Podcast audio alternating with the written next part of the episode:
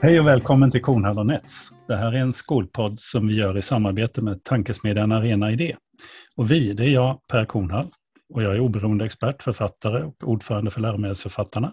Och med mig har jag Ingela Nets som är skolledare, utredare och utbildare. Och kan det stämma? utvecklare numera också. Utvecklare? Hon har ner den här utredarrollen till förmån för att jobba med, med stödjande av utveckling. Det passar ja. mig lite bättre faktiskt. Vad bra. För jag tror att dagens gäst, ska vi, han är lite grann av en invecklare ibland. Eh, jag kommer tillbaka till det. Eh, men vi gör den här podden helt ideellt för att vi båda är engagerade i frågor som rör skola och samhälle och för att det är så intressant, spännande och ibland utmanande att prata med människor som på olika sätt verkar och är engagerade inom detta område. Lade du märke till att jag skrev om inledningen lite grann? Bra! Det ska vara lite ja. nytt. Mm. Men dagens gäst, eh, jag sa att han kanske är invecklad och med det, med det menar jag någonting fint. Det vill säga att, att dagens gäst är en som, som jag personligen har haft många samtal, har lärt mig väldigt mycket av, för han har en förmåga att, att så att säga mm, utmana de tankar man har. Han är kanske inte de stora rubrikernas namn, men för den som vill ha en filosofisk diskussion eller som vad som följer vad som händer inom matematikundervisning i Sverige, då är han en känd person. Eh, välkommen ganska nyblivna professorn Ola Helenius. Mm, tack så mycket. För det är inte så länge sedan du blev professor. Nej, det var i våras här. Ja. Och var är, är du någonstans? Och... Eh, jag är på Göteborgs universitet på institutionen för eh, didaktik och pedagogisk profession. IDPP heter den.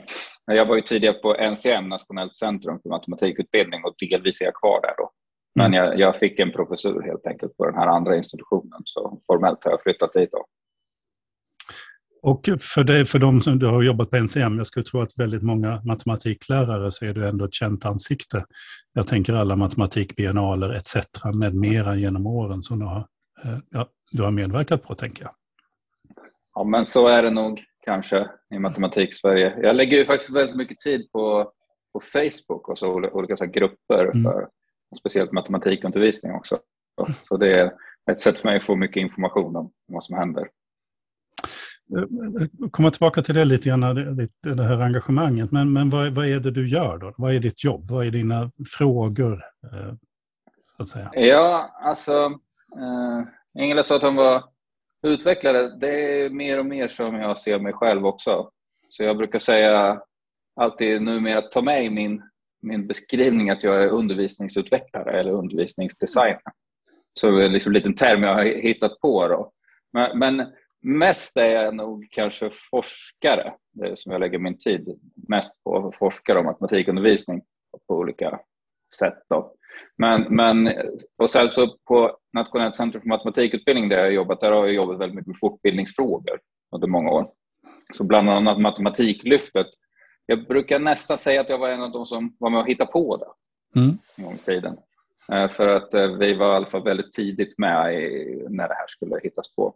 Så det var en stor del av mitt jobb. Men, men nu jobbar jag mycket med konkret undervisningsutveckling, alltså utvecklar undervisningssekvenser som lärare använder mm. olika projekt.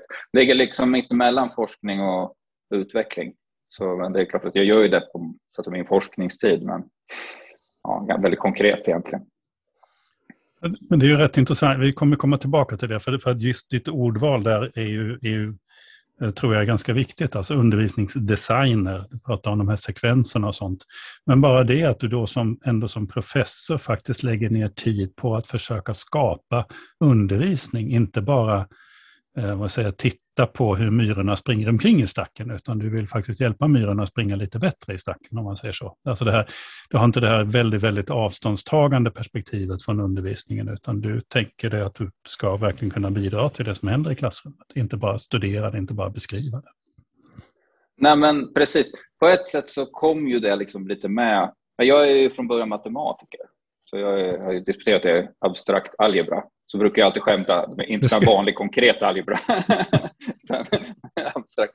Men, men sen när jag började för 20 år sedan på NCM då, så då började jag jobba ganska mycket förskolefrågor. Och då var det mycket fortbildning. Det var, det var mycket så här, ut och föreläsa på skolor om matematik och idéer om matematik och så.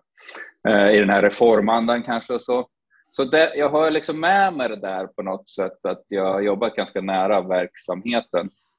Eh, och sen så kom matematiklyftet och allt det där. Men alltså, så blev jag ändå mer och mer eh, lite frustrerad över hur svårt det är att få saker att hända. Till och med om man har en superbra liksom, föreläsning för några så insåg jag liksom, okej, okay, de var jätteglada, men för nästan ingen kommer någonting att få någon effekt. Det kommer inte, det kommer inte betyda någonting. Då blev, det var kul. De var glada. Liksom. För i bästa fall. Liksom. Alltså då, då, egentligen från 2010 så hade vi börjat tänka, jag och till exempel Görel Sterner och också Ingvar Lundberg var med i det, den gamla läsforskaren så att säga. Med på det här konkreta, att ut, utveckla någonting som var användbart och, och ganska strikt beskrivet. Liksom. För att istället för, det, det är liksom ett annat tankesätt. Mm. Vi stannar kvar vid det här, det här lite deppiga då, med att den här enskilda föreläsningen. Människor blir jätteglada, de kommer fram och tackar en efteråt och tycker att ja, men det var jätte, åh, du satte precis fingret på och det här var spännande och det här ska jag prova. Och så vet man ju då att det inte har så mycket effekt. Men det är ju värre än så. För jag menar, ni har ju tittat på ni har ju tittat på Matematiklyftet. Det är en gigantisk satsning där massor av matematiklärare har lagt ner massor med tid ute i skolorna på att bli bättre. Alltså avsikten var ju att, man, att eh, elevresultat skulle öka och så. Och så ser ni ingen effekt av det heller. Nej, men exakt. Och, och jag menar, det, det, eh, det är inte jag som gnäller på Matematiklyftet, för jag känner mig ju ansvarig och, och på många sätt så följer ju det alltså best practice. På, på många sätt, men, men egentligen inte riktigt kanske alla sätt. För att det var också väldigt komplicerat att få ihop det här. På något sätt är Matematiklyftet väldigt svenskt i hur det sattes ihop. Kan, kan du eh, förklara det lite grann? Vad, vad, menar du då? För jag minns ju de här mötena. Jag kommer ihåg när du var där på de här första mötena. Ja, nej, jag, på Skolverket. Jag, liksom jag jobbar ju där. Ja, men jag har tänkt tillbaka mycket på det här och liksom också skrivit om det retrospektivt. Det, det är att alla ska med. Liksom. Alla ska vara med hela tiden. Så det blir många kockar. Eh, och det eh, gör också att det är ganska svårt att säga nu i efterhand vems ansvar är det att det är på det ena eller på det andra sättet. Det, det växer fram. Alla är typ halvnöjda hela tiden. Det var ju många hårda förhandlingar alltså, mellan olika, så det, det, var inte så att det var lätt att få fram det. Det, var, det är absolut ingen slump hur det kom att bli. Och det, är, det är väldigt, väldigt genomtänkt på massa plan. Så det är inte, inte slumpartat tillkommet. Men, men kanske så här i efterhand så kan man ändå se lite vart man skulle kunna ha varit lite striktare och gjort en annan slags plan för vad som skulle hända. Det hade åtminstone gjort det lättare att veta varför det gick som det gick. Då. Men sen kan jag lägga till att, att eh, många är ju faktiskt väldigt nöjda med Matematiklyftet. Mm. Eh, och eh, lärare upp, många lärare upplevde att det här var en, en, ny och en jättebra sak och som de lärde sig mycket av.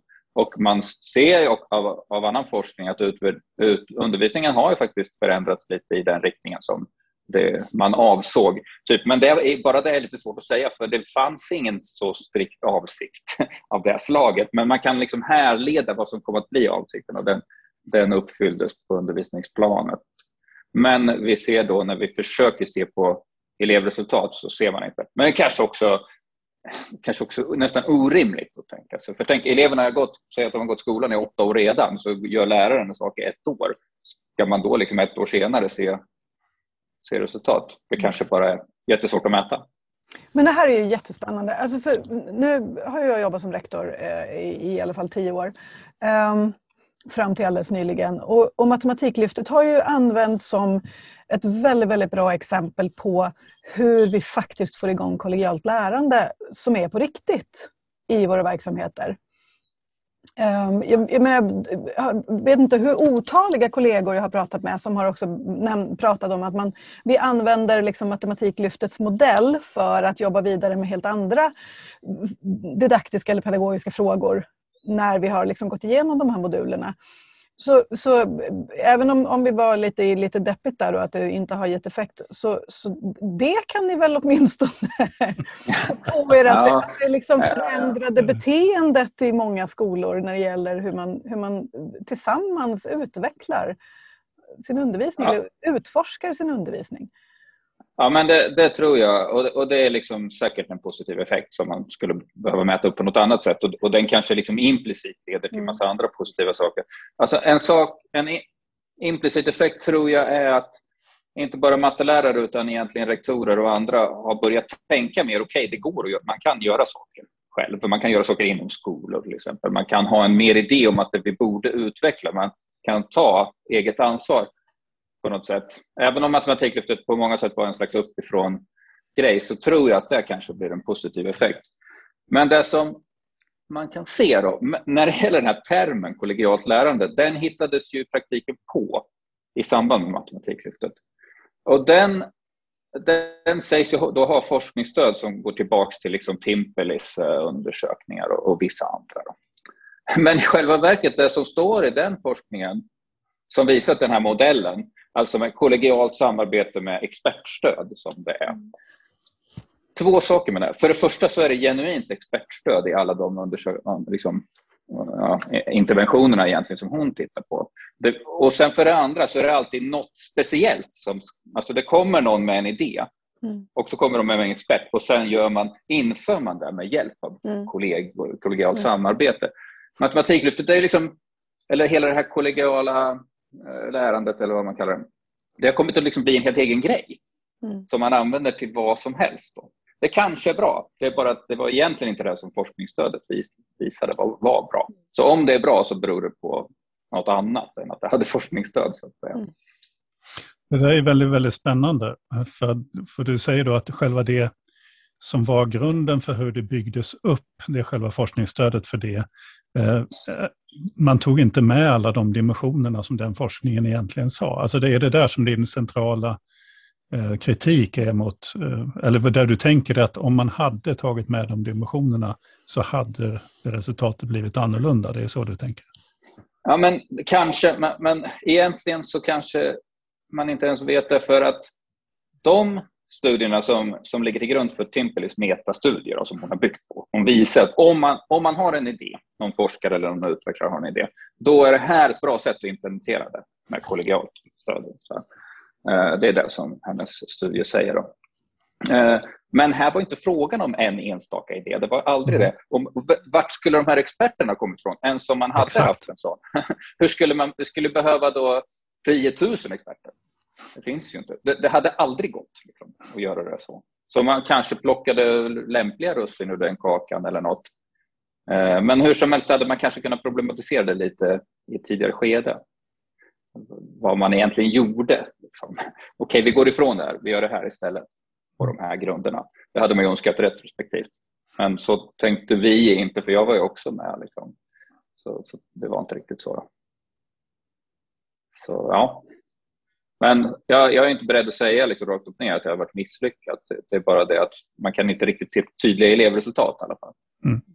Nej, men däremot, och det är viktigt att säga det som, som du påpekar Ingela, man, man ser ju då att, alltså förändringar i lärares attityder och, och viss mån i undervisning. Så något, något, något händer ju ändå om man gör en sån här satsning, men, men det kanske inte fick den avsedda effekten på elevers resultat.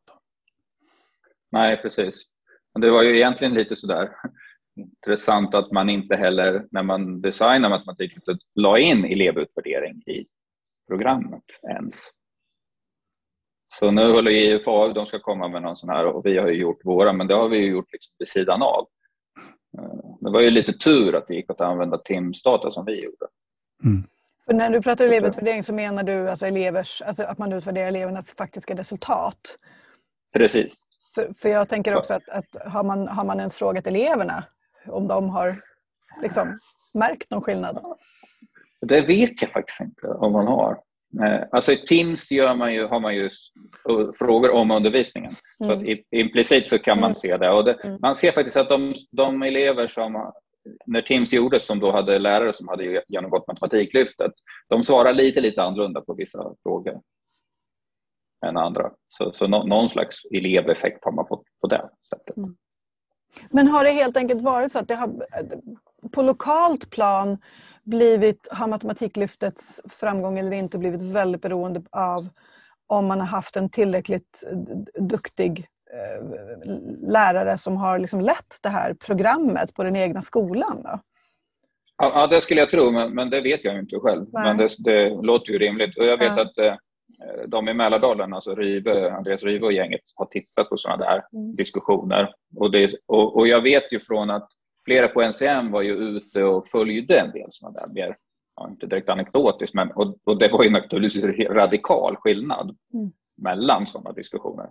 Så klart om, om en grupp har jättefokuserade diskussioner om matematikundervisning liksom en gång i veckan ett helt år, då kommer det säkert vara bättre än de som sitter och gnäller på att eleverna är dåliga ett helt år. Mm.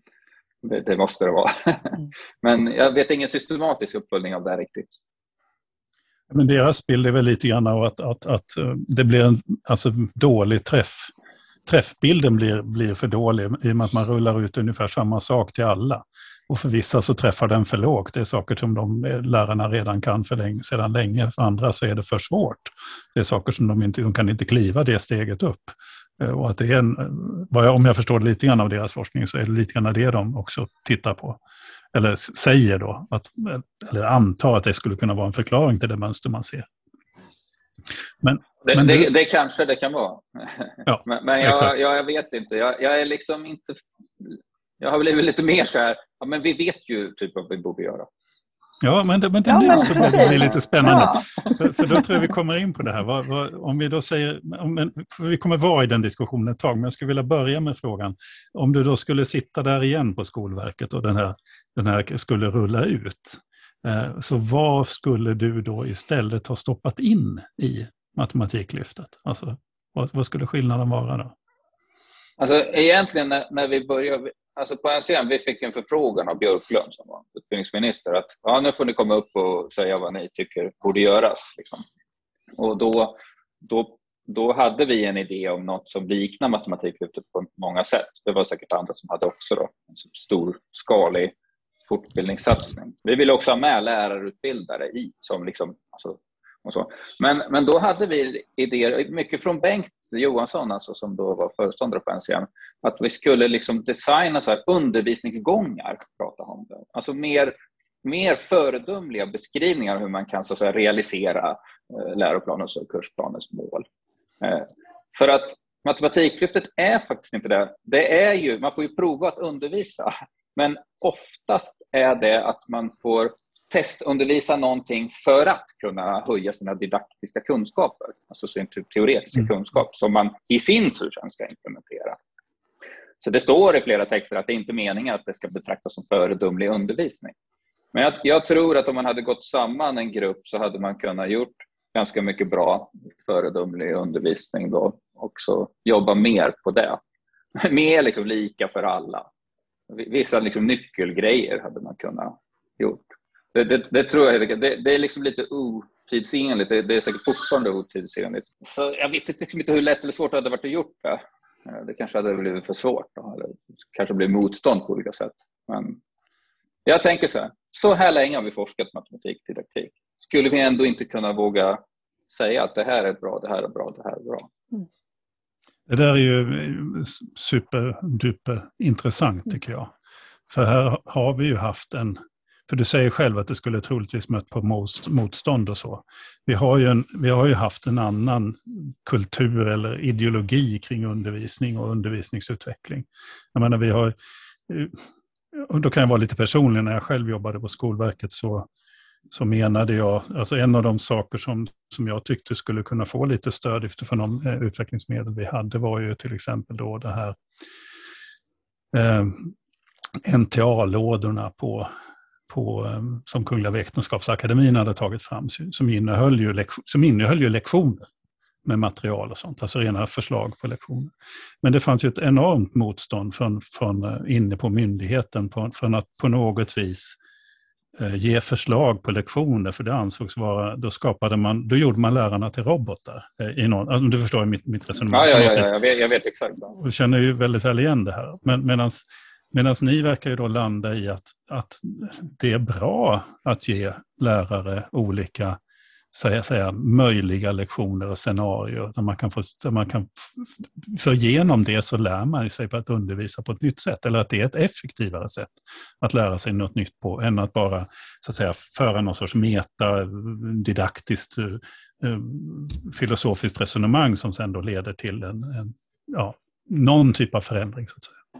Det, det, jo, det är men jättespännande. Det, ja, men det är exakt. Och det, det är det, det kanske vi kommer till. Jag håller på mycket med nu. Och det, det är klart att det också är motstånd. Men, men vi har ju tagit den här idén med att lärare ska vara liksom ganska autonoma och att de, så att säga, man ska ge dem kunskaper som de själva ska omsätta till konkret undervisning. Vi har tagit det väldigt, väldigt långt.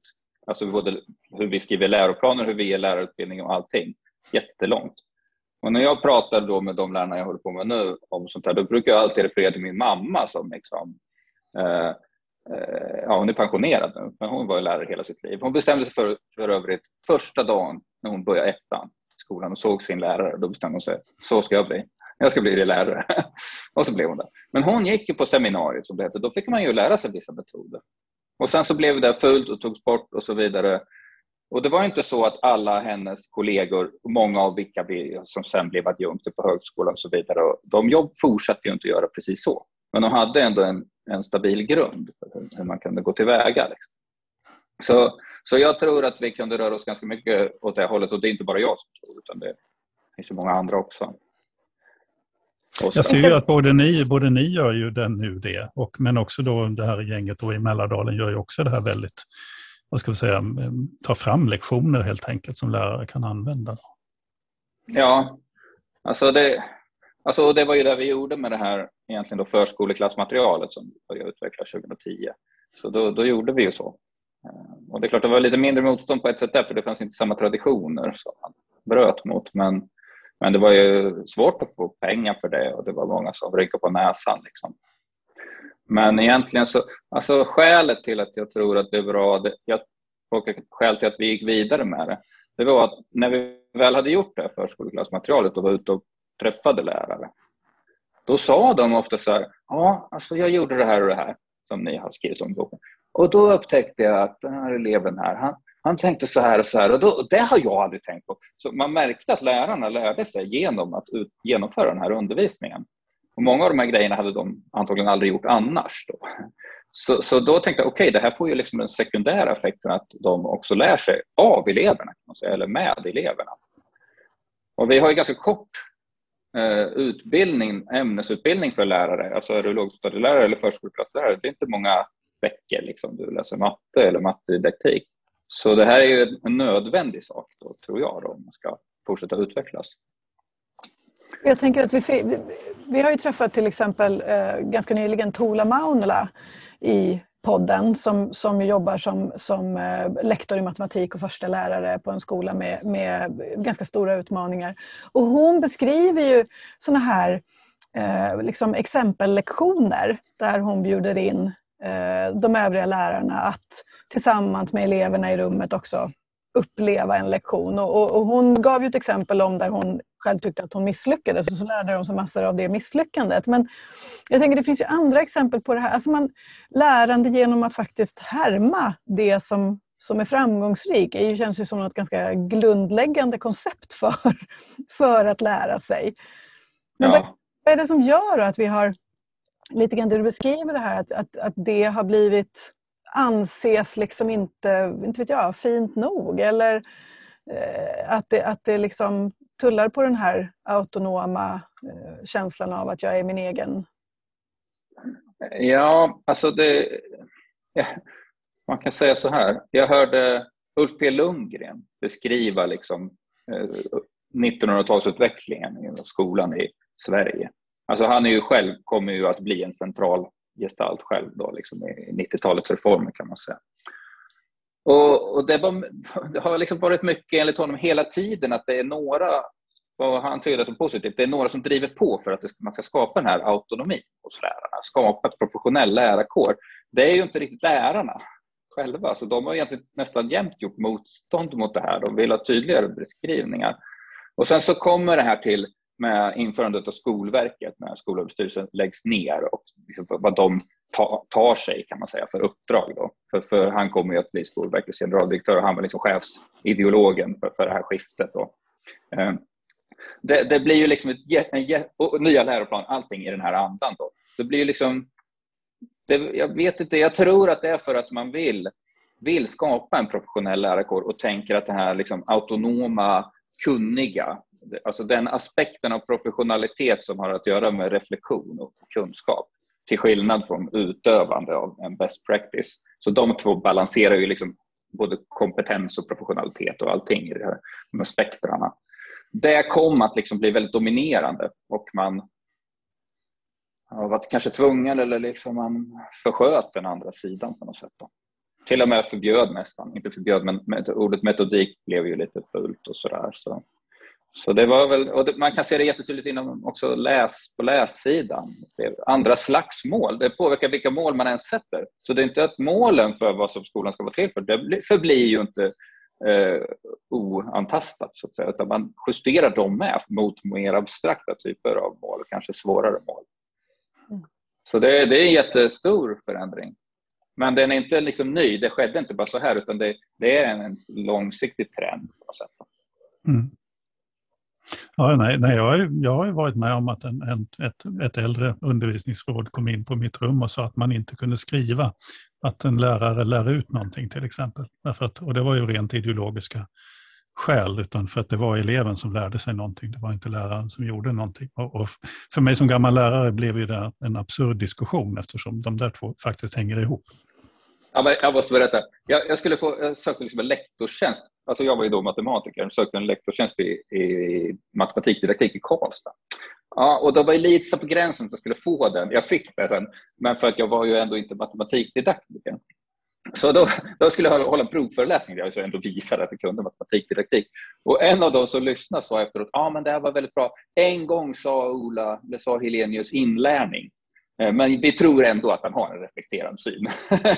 så, så det, var liksom inte okej. Okay, inlärning det var liksom lite för radikalt. Jag hade fattat inte ens skillnaden själv då. då. Nej, nej. Ja. Men ja. Men nu är du alltså undervisningsdesigner? Ja, precis. Eh, och jag tror att, eh, ja det är intressant. Jag har lite andra sådana här resultat eh, som ni också hittar. För det, alltså, ni gör ju väldigt mycket spännande forskning. Ni såg ju mm. också till exempel att ni tittade på, för, för en, en, annan del av det som har varit då en, en, en, en käpphäst i, i, i svensk undervisning har ju varit att man ska till exempel att man ska relatera till det dagliga livet, för då skapar man engagemang för matematik, för matematiken och på det viset så lär, alltså den här Ehm, det som väl fanns i Skolverkets gamla slogan en gång i tiden, lust att lära. Skolverket visar vägen, som de sa. Alltså, skapar man bara lust och så, så händer det någonting i barns hjärnor och så lär de sig massa saker. Men, men ni såg att i över fyra omgångar av TIMS så var det negativt eh, eh, relaterat om man kopplade matematik, så att säga, matematikundervisningen till vardagliga fenomen. Precis. Och, och, då får man ju först kolla vad, vad är det som eh, datan säger här. Alltså, vad har man för data? Man, man har ju bland annat frågat eleverna eh, hur ofta gör din lärare det här? Kopplar matematiken till din vardag.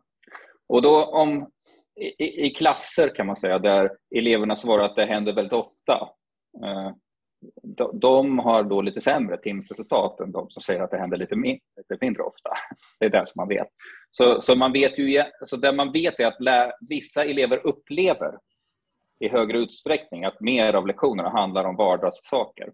Det är en rimlig tanke, att då svarar de oftare. Så det betyder egentligen inte riktigt, man vet egentligen inte riktigt vad det här betyder i termer av vad läraren gör. För att jag vet ju, alltså jag är ju verkligen expert på den här tidiga matematiken. Eh, och ännu mer nu än när jag gjorde det. Alltså jag vet att man måste använda vardagliga saker för det finns inget annat språk att använda i den tidiga matematiken. Det finns ju liksom inget symbolspråk färdigt. Så det måste man göra. Men det ska troligtvis inte göras så att eleverna upplever att det är vardagssaker man gör. Så det ska liksom inte, du ska inte försöka få det mer vardagligt utan du ska använda sådana erfarenheter som eleverna har. För det måste man, det finns inget annat sätt. Men det ska verka som att det är, det ska så säga, riktas åt det matematiska hållet så det ska mm. kännas matematiskt. Det, det är så som jag tolkar det här. Här hör jag direkt att det här skulle ju kunna bli någon form av, av sån här föredömlig undervisning som du beskriver. Liksom där man, för, för, utifrån det lilla jag hör dig säga nu och jag ser framför mig hur jag har suttit i klassrum där man har undervisat matematik på lågstadiet.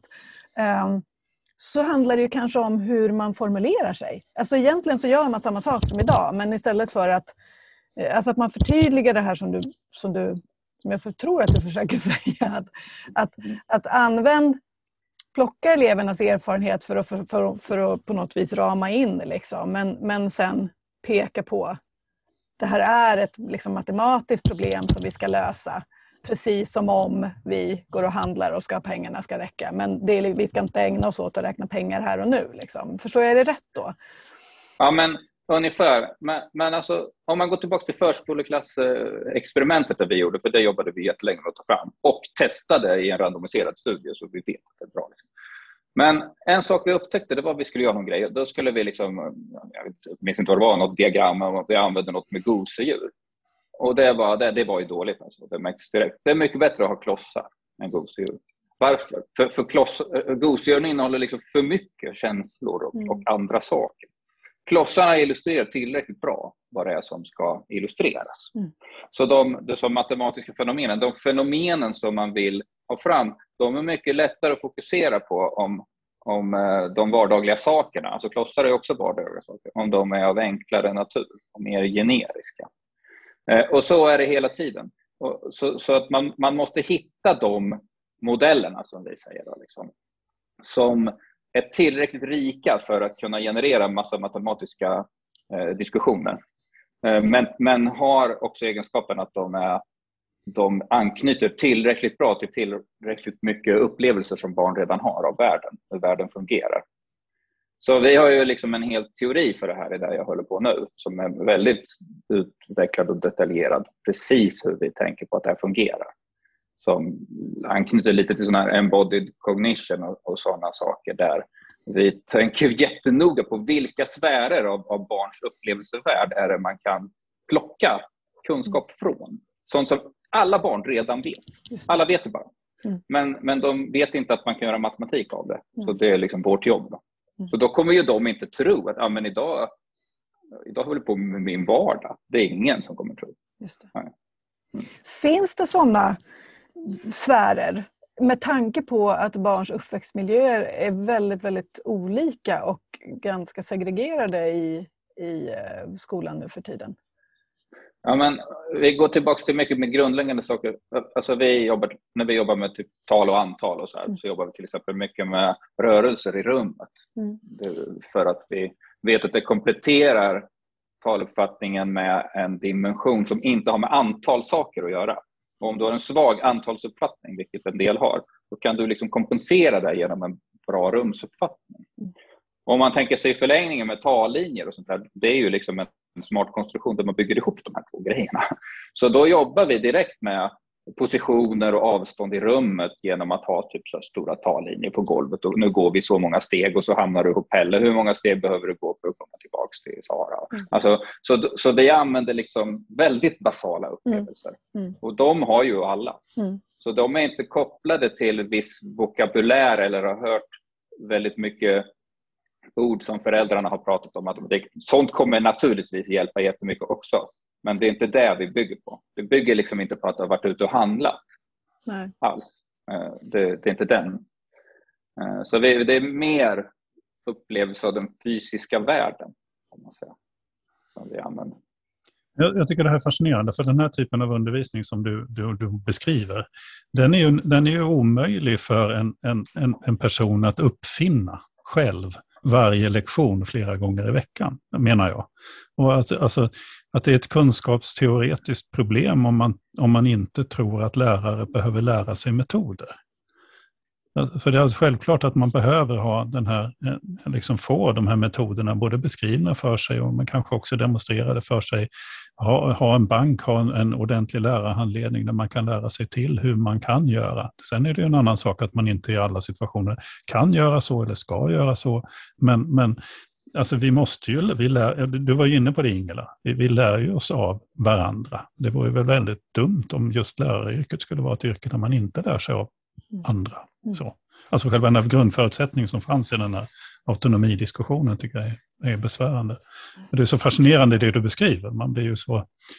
Man ser ju att man med medvetenhet om, om de här sakerna kan, eller jag kan se framför mig hur man kan skapa en, en, en väldigt bra undervisning. Jo, precis. Och Ja, det är helt sant som du säger att det, det, är omöjligt för enskilda lärare att tänka ut. Det tar ju oss liksom jag menar, om vi ska göra en veckas undervisning, det kan man säga det är vår minimala enhet. Vi bygger egentligen inte på lektioner. Alltså det tar ju oss en månad när vi redan har tänkt. Så. Mm. Minst. Och då måste, sen måste vi testa det och en del av de idéerna vi har får vi bara kasta bort för att det inte funkar, fast det var en bra idé. Eh, så det, det, är klart att det inte går så som lärares vardag ser ut. Det går inte. Alltså det, man kan ju, däremot så är jag helt säker på att lärare som jobbar tillsammans och och upptäcka att de har vissa problem. De kan göra en massa saker själva också. Alltså man kan förbättra från sin praktik om man gör det ihop och verkligen säger att nästa vecka ska vi göra minst en ny grej. Och vi gör det, ja, alla gör samma helst. Så vi kan prata. Sånt är ju skitbra också. Och, och, och, så. Det vi gör är ju liksom väldigt mycket mer komplicerat för vi ändrar ju nästan hela undervisningen överhuvudtaget. Så det går inte att göra själv. Men, men det är det vi försöker göra. då. Och det kanske, vi vet liksom inte hur långt det kommer gå att dra. Eh, det är svårt, liksom. det är ett tufft jobb. Då. Det är också jätte, jättejobbigt för lärarna. Mm. Hur, hur mäter man det här då? Det är klart att jag förstår att man kan, kan, kan mäta av, eh, om vi, om vi håller oss kvar vid, vid småbarn och lågstadie och förskoleklassbarn, så, eh, att man kan, man kan se en, en progression. Uh, hur vet vi att den är beständig? Hur vet vi att de har med sig rätt saker vidare i sitt lärande och att de, att de kan, kan liksom bygga på med nya kunskaper och fördjupa de här grundläggande? För det har vi också pratat så länge om i skolan, hur viktigt det är med grunderna och, och det där. Ja, alltså jag har lite två svar. Alltså, nu har vi ju tänkt mycket djupare än vad vi gjorde med förskoleklassmaterialet, men det är mycket bättre testat. Eh, och, och, där kan man säga att vi gjorde en, en, eh, en skanning av vad, vad, är det viktigaste och så byggde vi in det i materialet med en undervisningsmodell. Och där har vi sett nu att det, det räcker ända upp till årskurs tre. Alltså, även om man inte gör någonting annat emellan så, så ser man, speciellt för de svaga, eller kanske bara för de svaga, lite för de andra, men för de svaga ser man stora skillnader på nationella i trean och det är väldigt radikalt, för det är jätteovanligt.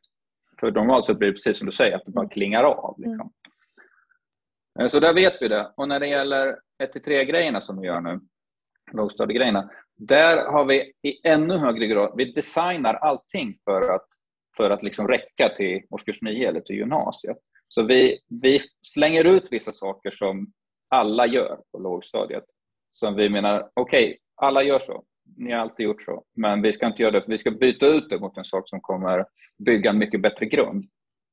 Till exempel, mitt favoritexempel kanske då, det är ju multiplikation.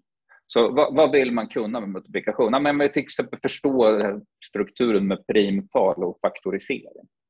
Så det, som vi, det första vi gör, första lektionen håller vi på med primtal och faktorisering kan man säga, men inte riktigt med de orden.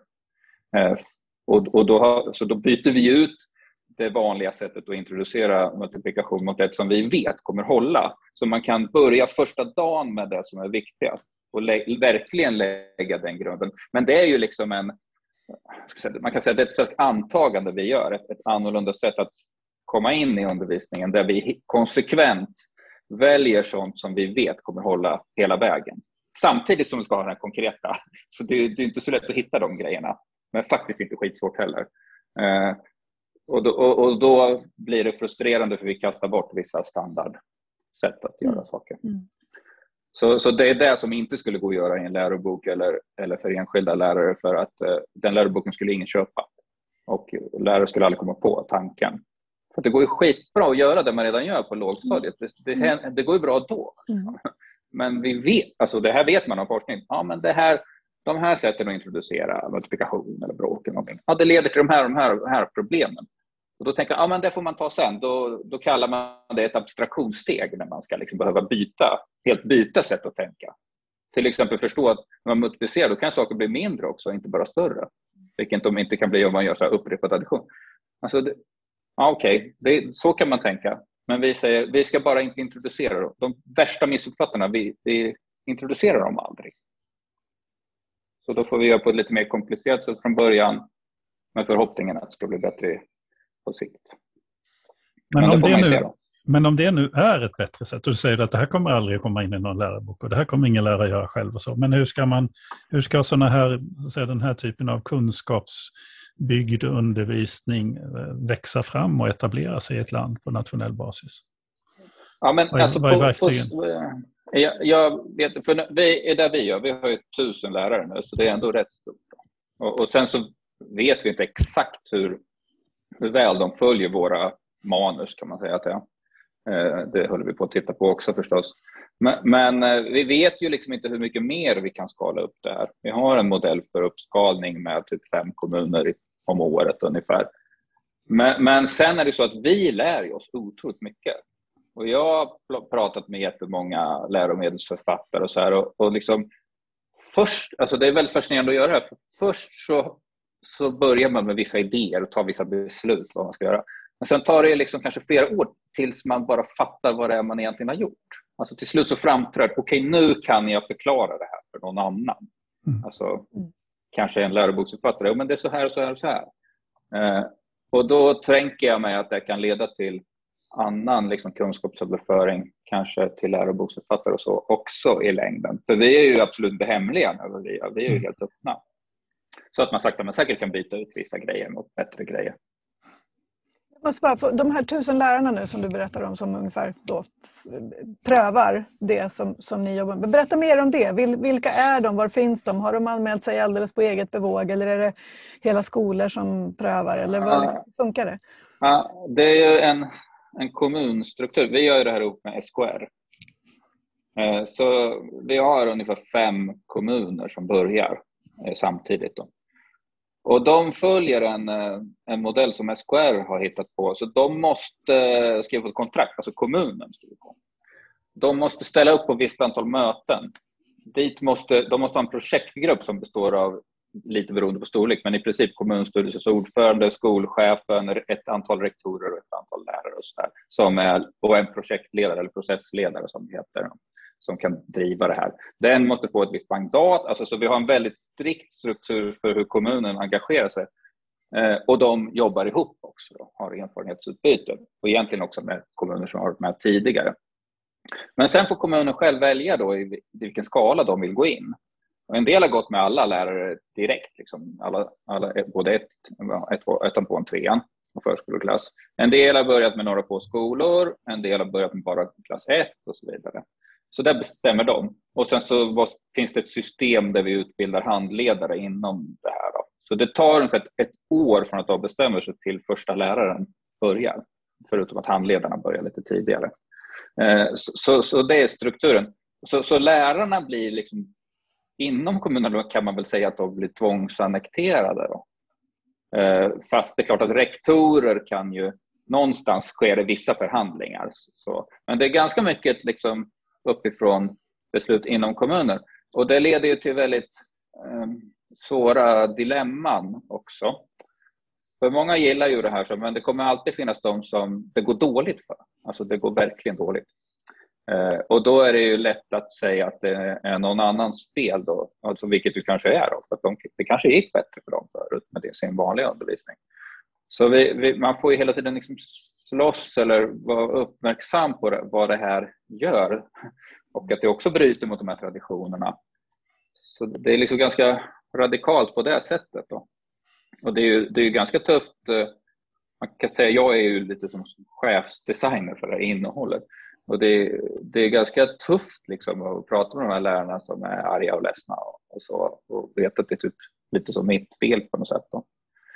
Men det som vi har märkt och som vi håller på att undersöka mer noggrant det är också att ju bättre hela den här styrning och ledningsstrukturen fungerar ända ut via rektor och ut på skolorna och mellan lärare. För vi designar ju liksom lärargrupper också som jobbar ihop.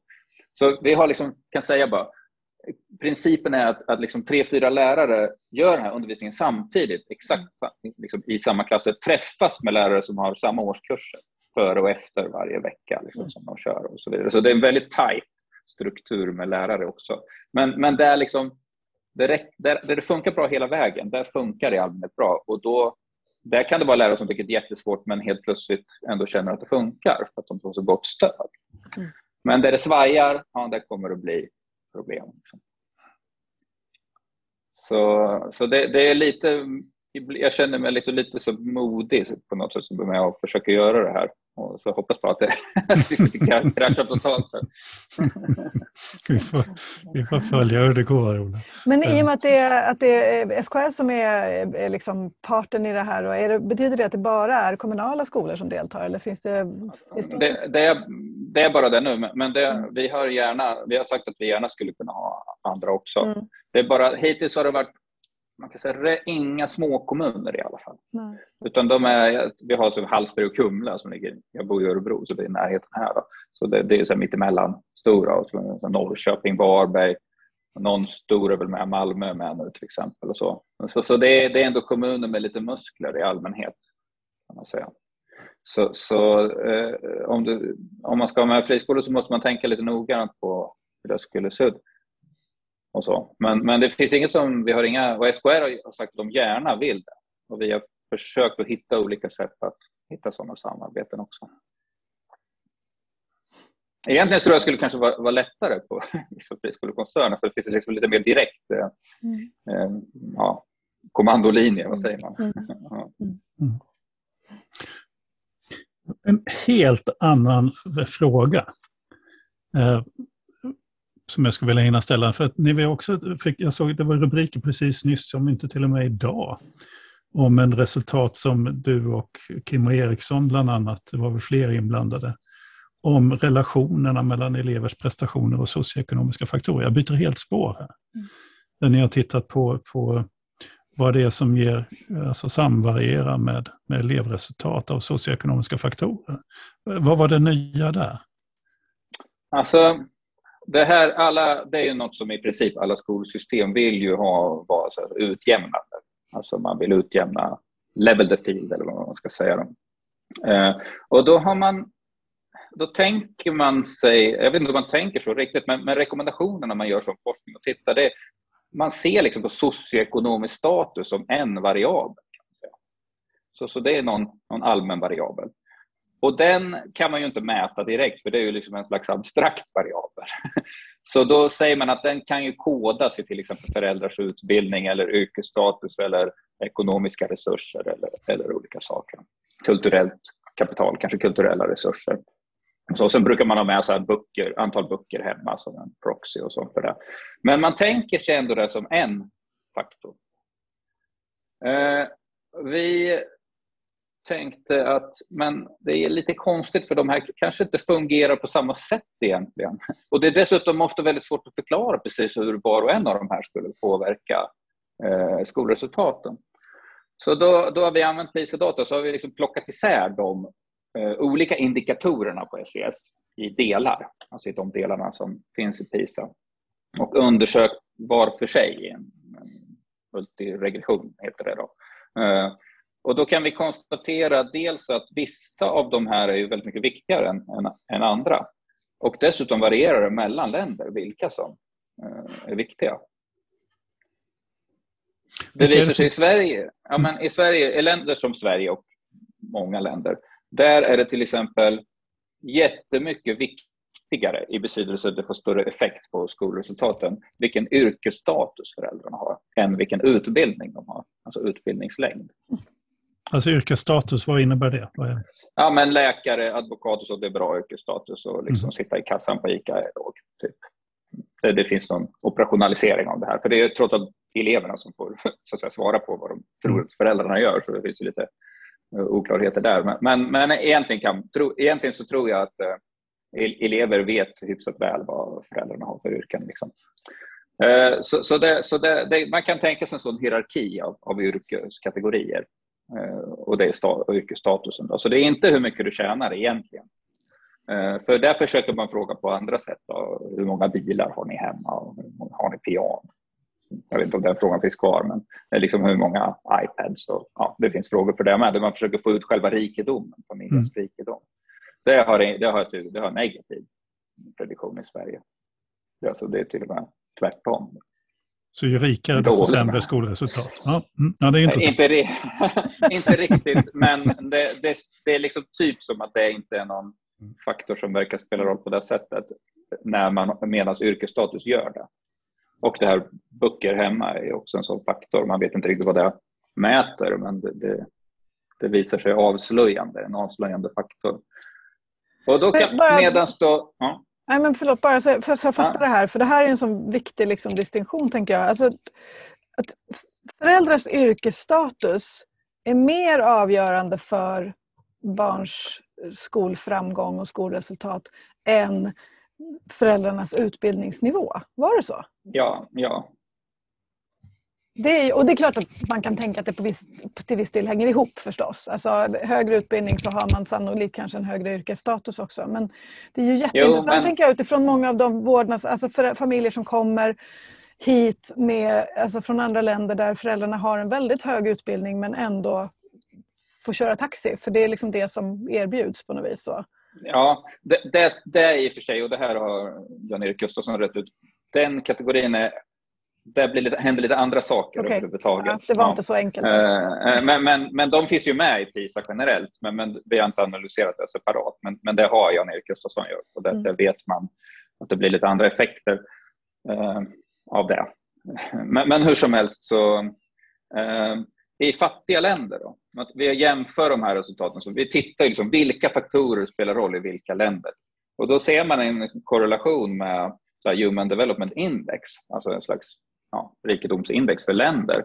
Att det, I fattiga länder där spelar rikedom jättestor roll för elevresultaten. Och det här böcker hemma spelar inte så stor roll. Mm. Och kanske inte yrkesstatus, i alla fall inte lika mycket som rikedom. Eh, så då kan man undra varför?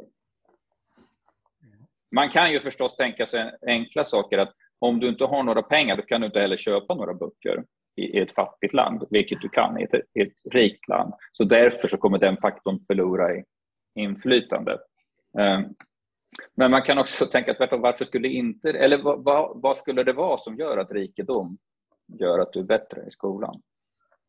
Är det att du betalar, det kan det vara i vissa länder, du betalar för extraundervisning och så. Så kan det vara i en del länder. Eller betalar för skolor helt enkelt. Betala för skolor, ja. Det, det, det, är säkert så. Om de är bättre så är det bra. Men det, så har vi ju inte i, i Sverige. Då. Så det vi kanske tror då, att, eller tycker våra data indikerar, och då har vi också tittat på massa annan forskning. Till exempel att om du adopteras inom ett land, det finns sådana studier från Danmark till exempel, alltså tittar man bara på adopterade inom Danmark, det finns trots allt en grupp och det finns register för, så, för det. De adoptivföräldrarnas eh, liksom, egenskaper, de har nästan ingen påverkan. Så om de, deras yrkesstatus spelar ingen roll. Eh, de kanske också är av visst slag, de här, men ändå. Så då tycker vi att det tyder på att det, det, de här grejerna har ganska mycket med liksom genetiska faktorer att, att göra. Då. Så att det finns liksom en slags sortering som, beror, som är av, liksom, där, där det är vissa egenskaper som är väldigt bra att ha i skolan. Till exempel att vara flitig eh, eller smart, eller både och kanske och, eh, och liksom lite allmänt göra vad läraren säger och, och sådana här grejer. Då. Som kanske också är väldigt bra om du vill ha ett statusyrke. Så då skulle det vara liksom samma uppsättning egenskaper som både gör dig framgångsrik i skolan och till ett, eh, i ditt yrkesval. Eh, visserligen kanske du också fick gå en lång utbildning, men det gör ju alla möjliga. Det finns massa långa utbildningar i Sverige. Så, så det är ju liksom, du behöver egentligen inte vara särskilt skolframgångsrik för att gå en lång högskoleutbildning. Det gör ju typ hälften av alla nästan. Men få ett toppyrke, det är, det är inte hälften, det är mycket, mycket, mycket färre. Så, och det här tror jag liksom ligger rätt så mycket i. Och det skulle få ganska stora konsekvenser om man börjar tänka på vad det betyder. Vad skulle det få för konsekvenser menar du? Alltså, är, man pratar ganska mycket om att vi ska försöka utjämna socioekonomiskt för att det ska gå bättre i skolan för barnen. Alltså det är egentligen tvärtom. Vi måste få det att gå bättre i skolan för barnen. Liksom för att. Och hur ska man då få det?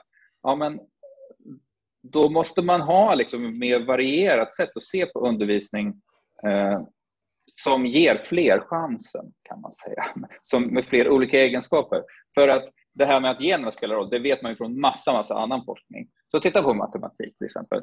Fram tills att innan formell undervisning börjar, då är det eh, om man gör tvillingstudier eller, eller andra typer av studier, då, då, är det egentligen hemmiljön som avgör hur bra du är på matte innan du börjar skolan, mm. huvudsakligen. Ett år efter du har börjat skolan, då är det typ eh, mestadels genetiska faktorer. Alltså jag förenklar ju språket nu, men, men ni fattar. Varför? Jo, det är för att innan du har börjat skolan, då lär du dig matte överallt. Så att säga, överallt i livet. Den du lär dig kan du plocka upp i vilka sammanhang som helst, massa olika miljöer där du kanske passar bra. Du kanske passar bra med din farmor som berättar, eller vad, vad, vad det nu må vara. Liksom. I sko efter att du börjat skolan, då är i princip all matte du lär dig, den lär du dig i skolan. Det är en jättesmal miljö. Det är typ som ett enda habitat. Liksom. Det är bara vissa, vissa organismer kan lära sig matte i det här habitatet på ett bra sätt. Det är de som liksom på något sätt har optimerad uppsättning för att funka bra där. Det, det, är liksom en förenkling men en ganska bra bild. Så det är inte bara att du är mer mattebegåvad för då borde det här ha slagit ut innan också. Men du är mer typ skolbegåvad kan man säga. Så då tänker jag så här, precis som vi ser på eh, liksom ADHD, vi är ju liksom otroligt eh, receptiva för olika typ så här sjukdoms eller diagnos baserade individuella olikheter och har, gör liksom otroligt mycket för att försöka förstå dem och anpassa skolan för dem. Det är inte lätt. Men vi borde liksom vara bättre på att anpassa skolan överhuvudtaget till vissa slags olikheter som säkert är av visst standardiserat slag som man skulle kunna förstå sig på. Men, men i det resonemanget så ligger du ju väldigt nära nu kring de som resonerar kring lärstilar. Och lärstilar har vi då liksom, ja, vetenskapligt är väldigt sågade, eller? Ja, nej, men, nej, men det är inte det. Alltså, eh, jag tänker mer på att, eh, att det har med liksom uppmärksamhet och eh, ihärdighet och den typen av saker att göra. Det är ju inte en lärstil, det är ju mm. liksom något annat. Så då om du, om du tänk, tänker på att ditt jobb är att, att skapa engagemang och ihärdighet i de undervisningssituationer du designar. Istället för att tänka, jag hörde när du pratade med Anette och, och Åsa Hirsch här, istället för att tänka att ah, jag har lite otur med mina elever, de är inte intresserade. Mm, mm. Alltså, ju, ju högre grad du, du inser, okej okay, jag har en variation i klassen. Här. Jag tror ju då på typ som helklassundervisning, alltså jag tror verkligen inte på, på sånt där. Jag, jag, tror att man kan bara göra det här genom att utnyttja gruppdynamik, så att säga. Det, det finns inget annat sätt, tror inte jag. Förutom enskild undervisning som är jättebra, men det kan vi inte göra. Eh, så de, då, då skulle man, tror jag, kunna liksom höja folks liksom koncentrationsförmåga och så genom att verkligen tänka på att det är en viktig sak. Mm. Mm. Och det gör man inte genom att träna på att koncentrera sig, det gör man helt enkelt att designa undervisningen så att den hjälper folk att hålla sig fokuserad. Mm. Kan man säga. Ja, det, det sista du säger är ju så sanslöst viktigt. Eh, att man skapar, man skapar det som, som leder till det, men man tränar inte på själv, alltså, man tränar inte på uthållighet, utan man skapar uthållighet genom en, genom en form av genom hur man undervisar. Är generellt sett otroligt. Ja, men så det, det tror jag, och det finns faktiskt en del studier som visar att, att liksom, även när det gäller ordning och reda och allting, mm. alltså, så här, barnen vet vad de, de vet vad de ska göra i skolan, de ska vara där och lära sig. Det, det vet de. Så om, om man bara ser till att undervisningen så att säga, reglerar de beteenden som behöver regleras genom undervisningen designad, då har man kommit väldigt långt. Liksom. Så att man kan liksom inte bara, ah, nu ska vi ha ordning och reda, sen ska vi undervisa. Det, det, det jag tror helt enkelt inte på det. Där, där bekräftar du precis det som, som Tola Maunela också pekade på. För vi var inne just i det här, vad, vad är hönan och vad är ägget? Liksom? Ska vi först satsa på relationer, relationsskapande och ordning för att, att liksom ha någonting att utgå ifrån och sen jobba med undervisningen? Och hon var helt bestämd på att nej, vi ska börja med undervisningen. Då kommer resten ja, ja. på köpet. Ja. Ja, men så tror jag det är med alla relationer, även när, man pratar, när det gäller så matematiksvårigheter och olika typer av problem som pratar mycket om det relationella perspektivet. Så mm. eh, alltså jag är lite kategorisk som ni märker. Jag tror det finns bara en relation som spelar roll. Alltså eleven måste tro att det du säger åt eleven att göra, det kommer få eleven att lära sig. Mm. Så den måste tro att, att du vet. Mm. Och den måste mm. märka att oj, om jag gör det som läraren säger, då kommer det gå bra. Mm. Då går det bättre. Liksom. Och en av mina forskarkollegor hon undervisar inom kriminalvården. Och de är ju liksom, har ju i allmänhet inte särskilt bra skolbakgrund och är inte jätteglada i samhället i, i allmänhet alltid. Sådär. Så där, där blir det här superviktigt. De måste ju, det första de måste göra det är att få dem att, att tro att okay, ni ska, om ni gör vad jag säger, då kommer det gå bra. Och Sen är ju matte väldigt tacksamt, för om det då går bra då, då vänder man den här matteskräcken till en positiv. Shit, jag är en sån som kan lära mig matte. Så det, det, är inget långt steg i matte till att få den här positiva reaktionen. Det är faktiskt ganska lätt att lära sig lite matte egentligen. Alltså det där är, och tänk, där skulle vi ha börjat, för där skulle vi ha kunnat också haft ett program, eller hur? Alltså ja, ja, matte, matteskräck, matteångest och hur, hur, hur, enkelt det egentligen är att lära sig matte. Uh, ja, det är ju fascinerande. Alltså det, det, det, det är ju inte lätt att lära ut jättemycket matte till massor av barn samtidigt. Uh, så det är inte så.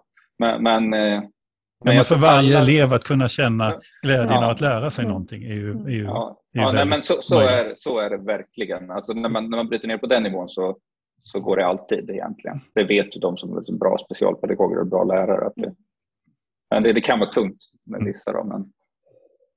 Men, och jag kan tycka, någonstans känner jag sådär att du liksom knyter ihop din egen, din egen säck här lite grann Olle. Därför att du, vi har pratat mycket om det här med att, att, att liksom designa, eh, modella undervisning som vi utifrån din och andras liksom gedigna erfarenhet och prövande och utforskande vet faktiskt fungerar. Och någonstans, för, för om man sedan landar i det här att ja, men du som lärare måste se till att det blir, det blir en så pass relevant och, och fungerande undervisning att eleven får de här upplevelserna av att faktiskt lära sig, så kan man ju känna sig lite matt. För jag menar lärarna försöker och försöker och försöker. Men det är då jag tänker att det blir liksom isbrytaren i att att känna att det är okej att någon annan talar om för mig vad jag ska göra i klassrummet. För den någon annan har prövat och vet att det här fungerar. Ja, men exakt. Och, och, och det, det, är det vi säger apropå så här avprofessionalisering och robotar mm. och så där. Så vi får ju också de invändningarna. Och så. Och, men sen ska jag säga, det som vi gör är jättesvårt och allt är inte perfekt. Så här. Men vi, vi har ändå liksom en slags idé för vad vi gör. Då. Och då, då säger vi okej, okay, vi tar ansvar för den här sekvenseringen av vilken matematik som ska komma i vilken ordning. Till och med vilka ord du ska använda när du pratar om det här och det här och det här. Du kommer få ansvar för att skapa, för att skapa det här klimatet mm. så att elever tycker att det är kul eller liksom känner att de vill vara delaktiga i det här. Det kommer kanske ta tid. Både du och dina elever kommer behöva träna. Men, men vi, vi, vi, liksom, vi vet att det går och det, vi har liksom designat för det på något sätt. Men det är fortfarande supertufft, även för de bästa. Alltså. Det, det, mm. det, det, är svårt, för det innebär massa andra... Vi kan inte gå in på allt som ändrar sig när man gör så här, men liksom nästan allt grundläggande som man har vant sig vid, som man har rutiner för, det blir annorlunda.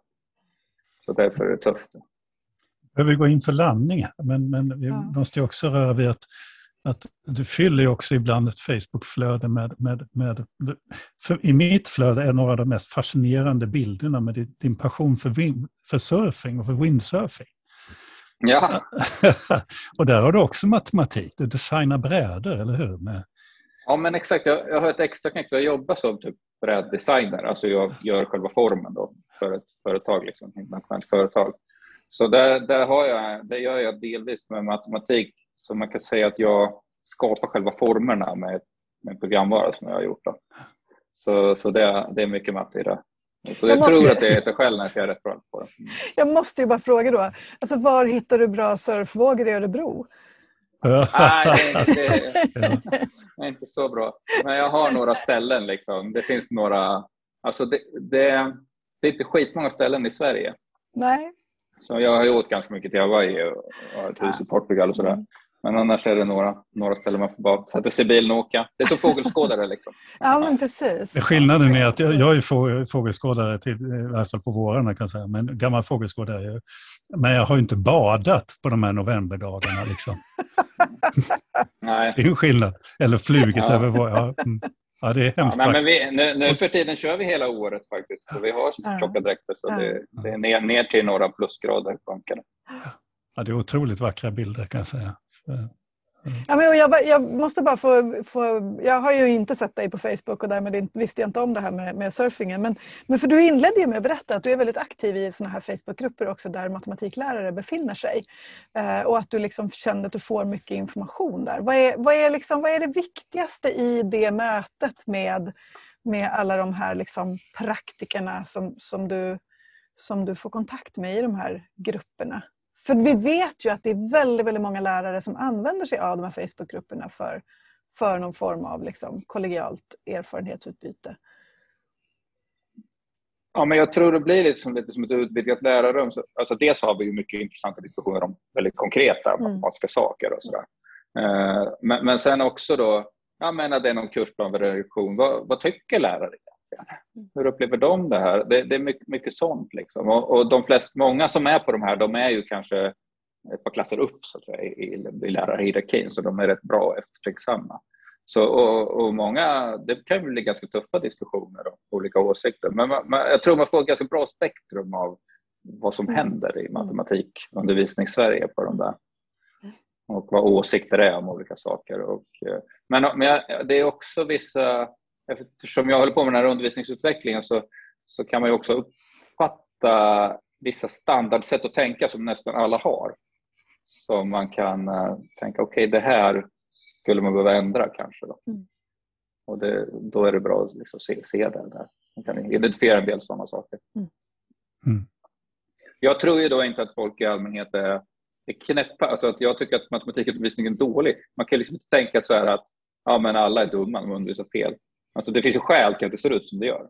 Så det, det, det är ju liksom en annan, en annan vetenskap att förstå hur uppkommer sådana här system de får sina ramar och det, det, är därför det är så svårt att ändra också. Det är som väldigt strikta ramar som har liksom avlat fram det här sättet som vi gör på idag. Jag kan inte exakt förklara hur det har gått till men, men man kan vara helt säker på att det är någonting som har ramat in det här. Därför ser, det är därför det ser likadant ut nästan överallt. Det är jättespännande. Mm. Men vi måste sluta, ja, vi, vi måste släppa det. dig. Uh, Kul tusen, att vara med.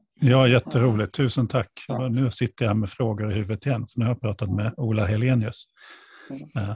Så det, är, och det är väldigt, underbart. Det är underbart. Väldigt, väldigt roligt att du ville vara med. Tack för det. Mm. Tusen tack. Fint. Hej då. Hej, hej. Hej då. Hej då. Ja, det var professor Ola. Professor Ola, ja, jösses, det här gav mycket, mycket tankar. Mm. Jag blir så glad när vi hittar, när du hittar personer som jag liksom aldrig har hört talas om och så upptäcker man att det finns sådana enorma källor till, mm. till kunskap. Och, och jag menar, Ola är ju inte den enda, det finns ju oändligt många djupt kunniga personer i, i liksom skol-Sverige som ja. är fantastiskt intressant att få prata med. Ja, och med ett sånt djupt engagemang. Och med Ola har jag ju många gånger suttit och pratat om och, och det blir väldigt djupt. Han har ju tankar som han rörde vi här i slutet också på hur hela, hur kommer det sig att mm. vi tänker på ett visst sätt inom matematikundervisningen i mm. ett land? Vad är, vad är det för faktorer som har styrt oss dit? Vad är det för ideologiska faktorer? Vad är det för beslut som har fattats? Och så vidare och så vidare som mm. är jätte, jättespännande. Det är mm. väldigt roligt att prata med, med Ola. Han är ju också väldigt i de här diskussionerna på nätet och sånt så viker han ju inte för, för de svåra frågorna eller de djupa frågorna ja. och, och, så, utan, utan är ju genuint intresserad och hela mm. tiden mm. också pröva sina egna tankar i, de här, mm. i samtal. Och så. Mm. Det, ja. Återigen är det jättekul med, med det här engagemanget som undervisning väcker. Mm. Mm. Och väldigt intressant tänker jag nu, för, för för att någonstans så kan man väl tänka att ja, men det är klart att det måste, då måste vi om, vi, om vi kan slå fast att ja, men det här är det som vi ser fungerar, då måste vi ju för, för likvärdighetens skull eh, tänka att det här måste skalas upp. Det här projektet som nu pågår i, i, i, samverkan med SKR och ett antal kommuner. Eh, och gälla alla, för vi kan inte undanhålla den här kunskapen och, och, kompetensen för ett antal eh, skolor och därmed elever. Liksom. Och hur stor är risken då att man trillar i samma dike som Matematiklyftet gjorde? Att det blir liksom så stort och ohanterligt att det till slut inte ens blev liksom en tumme i varje klassrum. Det där är ju en superutmaning. Och, men också lite störande att vi inte har en struktur för att göra det här på nationell bas. Alltså nu är det mm. SKR som gör det, mm. som ju inte är en myndighet eller någonting Nej. annat, utan en förening, kommunförening. Uh, vi har ett skolverk med några anställda som jobbar med matematikutveckling. Mm. Sen har vi olika lärosäten och så är de lite grann, ibland samarbetar de, ibland mm. inte. Men vi, Alltså man tänker sig att, och så har vi ju då NCM som är ett mm. centrum, men, men fort, som är ändå ett av de största, eller ett det största resurscentrat inom skolans mm. värld i Sverige. Men, men fortfarande eh, så är det här initiativet inte inbyggt i en struktur för nationell matematikutveckling, om du förstår Nej. vad jag menar. Nej. Eh, det finns ingen självklarhet att det här kommer att sprida sig eller var det kommer att sprida sig eller Nej. på vilket sätt det skulle kunna sprida Nej. sig. Därför att de här krafterna inte liksom samarbetar, eh, inte så kring, kring, de här, kring vad ska jag säga, en idé om undervisning. Så. Nej, och för, frågan är ju då, skulle det göra någon skillnad om skolan var statlig? Ja, ja jag tror ju det. För det, det är lite grann det han pekar på. Han sa att det här kanske skulle vara lättare att genomföra i en friskola. Mm. Eh, och skillnaden till att det, varför det skulle vara lättare i en friskola är bara för att det är lite, alltså, det är en organisation som är byggd för skola. Mm. Nu när man ska driva det här i kommunerna så är det, landar det ju dels hos människor som är utbildade på vad, vad, skol, vad skolan, alltså läroplaner mm. på, på undervisning, alltså hos lärare och rektorer. Men det handlar ju också om att alltså en kommunstyrelse ska tycka Just det här är intressant. Mm där det inte alls är säkert att man har kompetensen och sånt. Nej. Och, varför och man uthålligheten kanske. Och uthålligheten, eller, ja, med professionalitet. Ja. Så att i en statlig skola, ja visst, där kan man ju tänka sig en struktur. Det fanns ju mm. strukturer då på länsskolnämnder för mm. utbildningsinsatser och så vidare. Alltså en tanke på hur mm. man skulle föra ut olika saker i skolsystemet. Mm. Den var väl inte super, superbra då, men, men det finns ju eh, moderna exempel på som är på sådant mm. eh, runt om i världen. Ja, ja. jätteintressant. Ja, det var det. Mm. Då avslutar vi. Yes. Du har just lyssnat på ett, ännu ett avsnitt av Kornhall och Nets, en skolpodd som jag, Per Kornhall och Ingela Nets gör i samarbete med tankesmedjan Arena Idé. I varje avsnitt så intervjuar vi en eller flera personer vars kunskaper, position eller arbete gör dem intressanta för den svenska skolan. Har du en önskegäst eller finns det frågor du vill att vi belyser i podden? Hör av dig till oss. Du hittar våra kontaktuppgifter där du hittade den här podden. Och vill du inte bara höra oss och våra gäster utan också se oss så finns vi som en videopodd som du hittar också på Irena Idés hemsida eller om du söker efter oss eh, på Youtube eller på Facebook. Med det så säger vi tack för nu och vi hörs snart igen. Det gör vi. Hej då! Hej då!